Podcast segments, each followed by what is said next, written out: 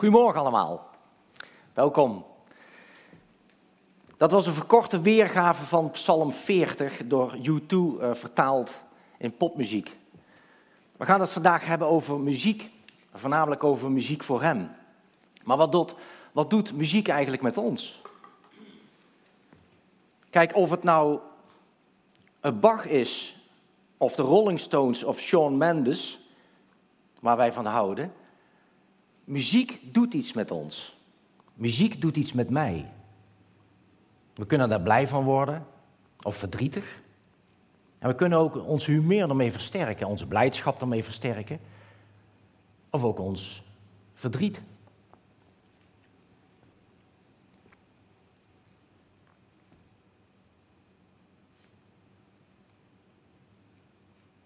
Hier zit geluid bij.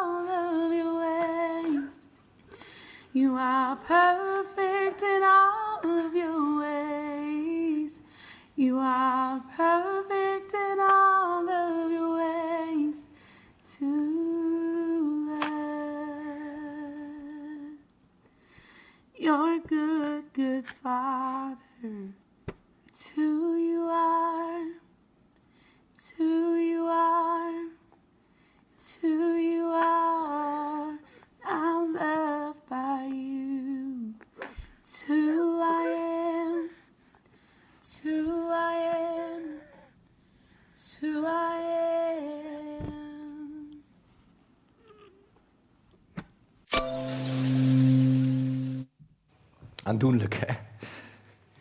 Als we muziek mooi vinden, doen we, eh, maken we dopamine aan. Hetzelfde stofje dat vrijkomt als we verliefd zijn. En dat zorgt voor een heel fijn gevoel. Het activeert ons hele brein, zegt Erik Scherder, die kennen jullie misschien wel. Dat is een Nederlands hoogleraar neuropsychologie die verbonden is aan de Vrije Universiteit in Amsterdam. En verschillende hersengebieden die worden actief, bijvoorbeeld motorische gebieden, zodat we het moeilijk vinden om stil te blijven staan als we muziek horen. Muziek verlaagt ook stress en pijn en wordt in de zorg al heel lang toegepast. Muziektherapie voor autisme of voor oudere mensen. Of verstandelijke beperkingen en oorlogstrauma's te verwerken. Twee jaar geleden heb ik zelf diensten opgestart. Voor de mensen die mij een beetje kennen, ik ben voor mezelf begonnen met muziektherapie om iets te doen aan stress met teams bij bedrijven. Ik heb zelf bij bedrijven gewerkt waar heel veel stress was bij. Ik denk van, is dit nodig? En met muziektherapie en sculpturen, waarbij je gaat achterhalen wat nou de oorzaak is, dat mensen zich onzeker voelen of wat dan ook. Muziek is een hele mooie drager om dat uh, ja, naar boven te halen. Muziek vindt ook sluiproutes in de hersenen. Ons gedrag wordt beïnvloed door muziek in winkels en in restaurants en openbare gelegenheden. En niet alleen in positieve zin. Op dansfeesten worden ritmes gebruikt om onze hartslag te versterken. Om zodoende onze grenzen te verleggen in combinatie met alcohol of drugs. Wellicht ga je dan dingen doen waar je later spijt van krijgt. Ik ga het over drie dingen hebben. Um, God heeft ons muziek gegeven voor onszelf, met en voor elkaar. En het derde punt is voor Hem met de hoofdletter. Ik begin met dat God ons muziek heeft gegeven voor onszelf. Ik heb zelf de gave ontvangen van muzikaliteit. Ik heb van God ontvangen dat ik naar muziek kan luisteren, intens kan beleven. En dat ik ook heel erg geraakt kan worden door muziek. Herinneringen uit mijn jeugd, die worden gekoppeld naar het luisteren naar muziek. Ik kan me nog herinneren dat we vroeger een cassette recordertje hadden, dat we op weg naar Spanje op vakantie, dat ik luisterde naar Leonard Cohen. Wellicht, de meeste van jullie kennen hem, denken hij is inmiddels overleden. Hij was een prachtig dichter en hij schreef hele melancholische, eenvoudige muziek die mij, bij mij binnenkwamen. Maar ook van Emerson, Lake Palmer en Pink Floyd en Focus, die koppel ik aan herinneringen uit die tijd. Ik speel zelf al vanaf mijn zestiende jaar gitaar. En ik heb het voorrecht gehad om het conservatorium in Utrecht uh, klassiek gitaar te mogen studeren. In, uh, als bijvak elektrische gitaar. En die heb ik nu in mijn handen. Ik heb een beetje mogen proeven hoe ongelooflijk knap de Matthäus Passion van Bach is geschreven. Mogen proeven, ik kreeg daar ook vakken om te analyseren wat er met klassieke muziek gebeurt. Ik ben opgegroeid in kerken en ik hoorde daar psalmen en gezangen. En vanaf dat moment ben ik pas echt gaan waarderen hoe knap die muziek in elkaar zit. Met allerlei regeltjes. En dat ook Bach, Beethoven en Mozart volgens die regeltjes stampvoetend soms hun composities maakten. En mijn vrouw Simone en ik, wij gingen jaarlijks naar de Matthäus en de beginklanken van de Matthäus zijn prachtig. Of het eerste jaar, toen we het verplichte vak koor aan het conservatorium studeerden, er 40 studenten bij elkaar kwamen die elkaar nog nooit hadden gezien. En bladpapier voor hun neus hadden. En vier stemmen in één keer goed gingen zingen. Piano gaf de begintoon aan. En als met 40 studenten daar ja, vierstemmig stuk zongen. Geweldig echt. Ik wist niet wat ik hoorde. Het is een geweldige tijd waar ik heel mijn leven veel aan heb en heb gehad. En aan het einde van mijn werkdag pak ik mijn gitaar en dan ga ik lekker gitaar spelen om mijn hoofd leeg te maken. Om de dingen weer een plek te geven. Wat zegt de Bijbel eigenlijk over muziek? Als we de Bijbel kijken, worden gevoelens ook verwoord door de gezongen teksten zoals de psalmen. Eeuwenlang worden ze in de tempel en synagogen gelezen en ook gezongen. Psalmen die eigenlijk gedichten zijn waar menselijke gevoelens en ervaringen in zijn, verwoord in melodie en in tekst. En dat eigenlijk een ervaring een plekje hebben over het leven, hoe mooi het is, over de blijdschap en hoe de mensen zijn, verlost zijn van oorlog, maar ook van ziekte. En ook als de dichter vanwege zijn angst radeloos is en moedeloos. Psalm 22 gaat over David, die naar God uitschreeuwt over zijn vijanden en positie tegenover zijn tegenstanders. In het begin lezen we over de twijfel en wanhoop van de dichter en de muzikant David. En daar staat, mijn God, mijn God, waarom hebt u mij verlaten? Hé, hey, waar komen we dat meer tegen in het Nieuwe Testament? Toen Jezus in nood zat en zich verlaten voelde door zijn vader. Bent u ver van mijn verlossing, van de woorden van mijn jammerklacht?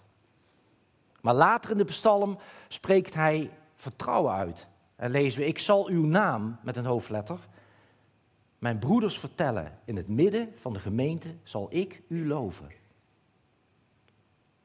We gaan nu Psalm 13 voor jullie spelen.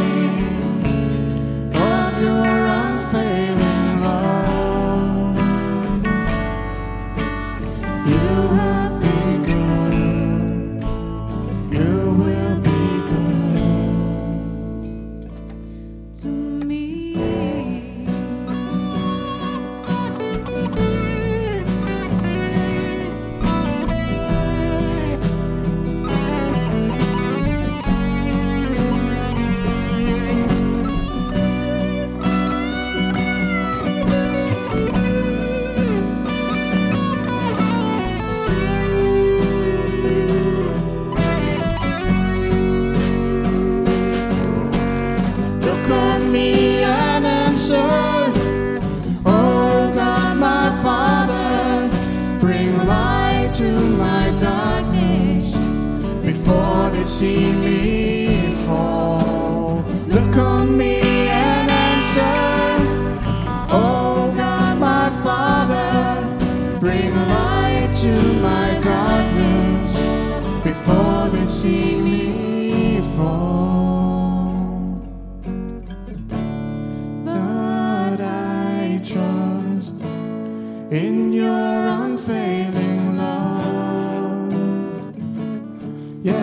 my heart will rejoice.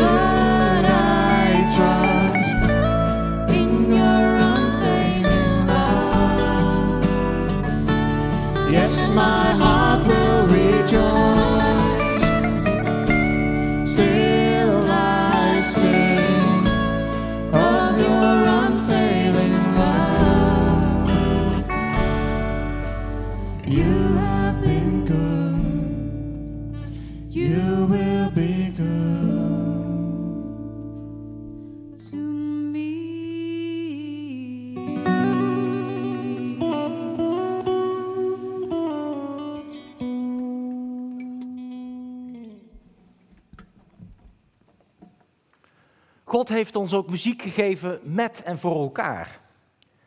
Als we samen muziek maken, met samen zingen bijvoorbeeld, wat nu lastig is in verband met de coronatijd, dus dat vind ik een beetje jammer.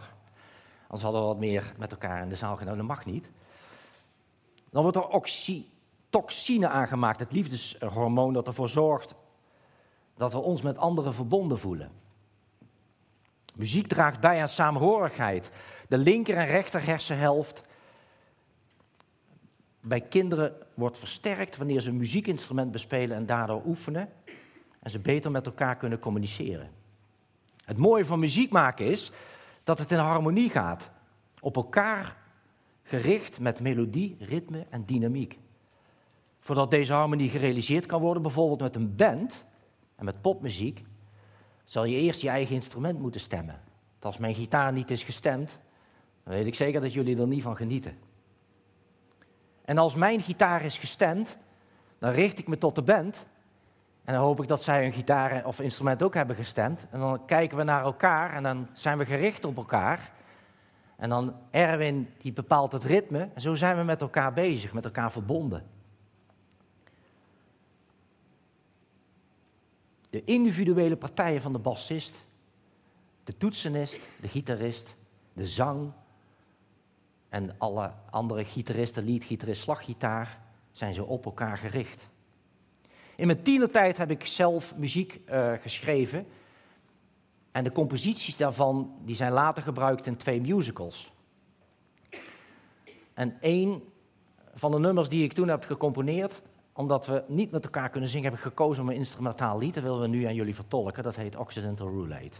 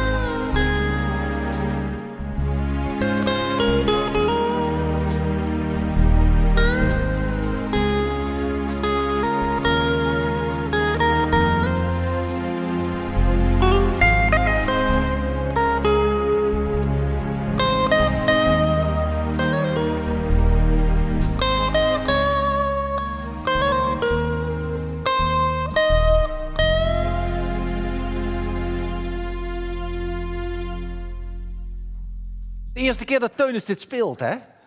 Wel een applausje, hè? Zoals ik net al aangaf, heb ik in 2004 en 2017 mogen bijdragen aan het ehm, schrijven en ontwikkelen van een, en uitvoeren van twee christelijke musicals. Eén over de verloren zoon, The Prodigal Son, en eentje over het loslaten van controle, Control Room. De verbinding en samenhorigheid met elkaar door muziek, die was ontzettend indrukwekkend. Muziek, zang, toneel en beeld zijn ingezet om op eigen tijdse manier door te geven hoe God met ons wil omgaan. Naast het trouwen met mijn vrouw Simone en het krijgen van onze twee prachtige zoons Pim en Max, ook nog frappant zitten we vandaag nog in de zaal. Dat doet me goed. is dat een van mijn meest indrukwekkende periodes die ik heb meegemaakt in mijn leven. Samen bidden, samen muziek maken, op elkaar gericht, samen dingen uit vrijheid maken, met gaves die wij hebben ontvangen. Super. In het Bijbelboek Handelingen lezen we dat Paulus en Silas werden beschuldigd in de Griekse stad Filippi, dat is het voormalige Macedonië. Van ordeverstoring, nadat zij een flink pak slaag hadden gehad, werden zij in de gevangenis geworpen en geboden de cipieren zorgvuldig te bewaken. En we lezen daar, een omstreeks middernacht, baden Paulus en Silas en zongen lofzangen voor God.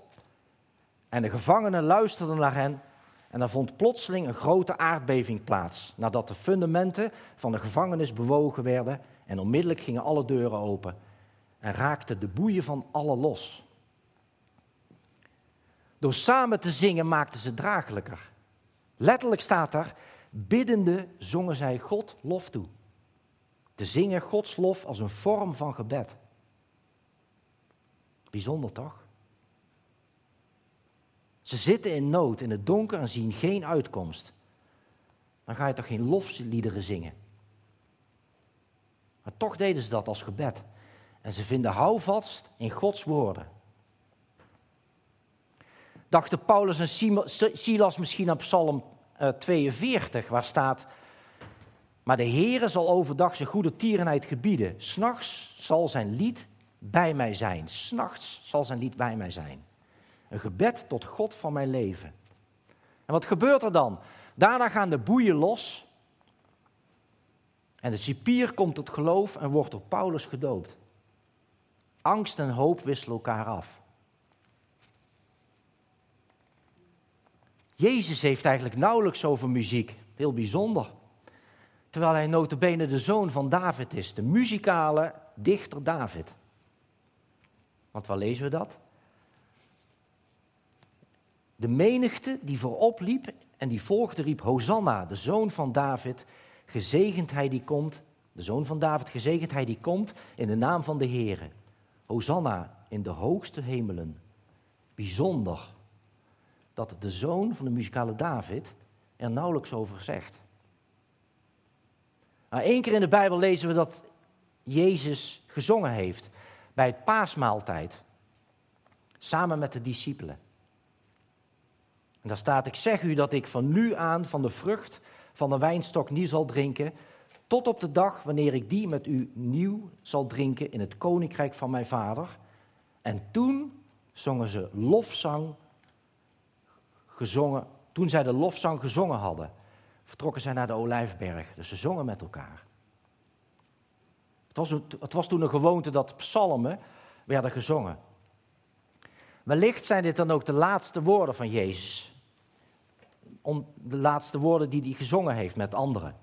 Voordat hij aan het kruis werd gehangen. Hij zingt over de macht van God. Hij die altijd het laatste woord heeft. Maar hoe delen wij muziek met elkaar? Als we elkaar ontmoeten. Hoe draagt muziek bij aan het op elkaar gericht zijn? Afgestemd op elkaar. Laatste deel. God heeft ons muziek gegeven voor Hem. Brengt muziek jou dichter bij God? Deel jij jouw blijdschap met Hem? Of in moeilijke tijden als we God niet begrijpen of als we teleurgesteld zijn.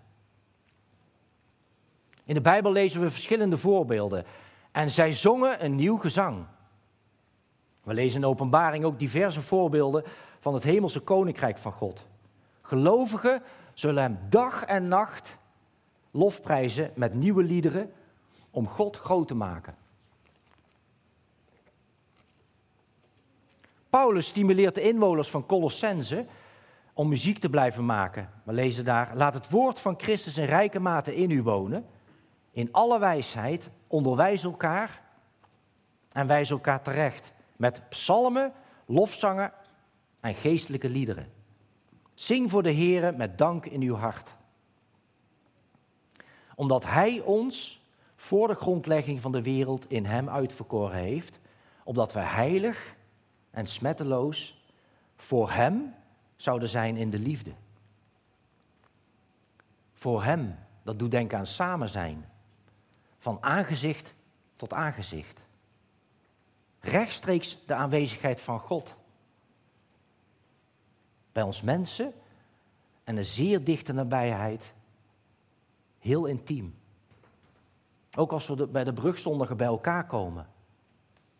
Dan kunnen we zingen en muziek maken ter ere van Hem. God wordt er blij van als dit iets met ons doet. Samen bidden, elkaar ontmoeten, samen muziek maken. Is het een idee om dat vaker te doen? Door de week elkaar te ontmoeten en muziek te maken met elkaar. In harmonie, verbonden, voor Hem. God heeft ons de gave gegeven om te musiceren naar Zijn beeld. Hij roept ons op om muziek met, om Hem te loven en dit van harte te doen. Met heel ons hart. Met instrumenten en zang kunnen we Hem aanbidden. Zing God biddend de lof toe. Als het donker is in jouw leven, op jouw ziekbed, als je eenzaam bent of als je het niet meer ziet zitten, doe het dan in de naam van Jezus en vertrouw op wat Hij met jou gaat doen. Laten we ook onze blijdschap uiten en Hem lof toezingen. God heeft ons muziek gegeven en daar mogen wij volop van genieten. We hebben de gave ontvangen om te musiceren en te zingen voor Hem. Wij zijn begonnen net met U2, met de vertolking van hun van Psalm 40. Ik wil daar nu ook mee eindigen. En dat doe ik in de berijmde vorm van Psalm 40. Al leef ik in ellende, de Heere zal het wenden. De Heere ziet naar mij om, geeft die mijn helper zijt, mijn God die mij bevrijdt, o toef, en dat betekent in dit geval wacht, niet langer, kom. Amen. Ik wil met jullie bidden.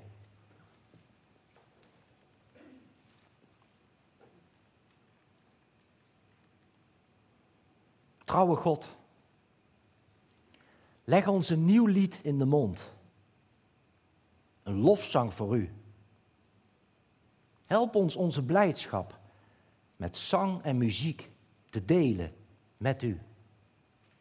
Ook in onze eenzaamheid, pijn en verdriet vragen we uw troost en bemoediging. Onze God die ons bevrijdt. Wacht niet langer. Kom. Amen.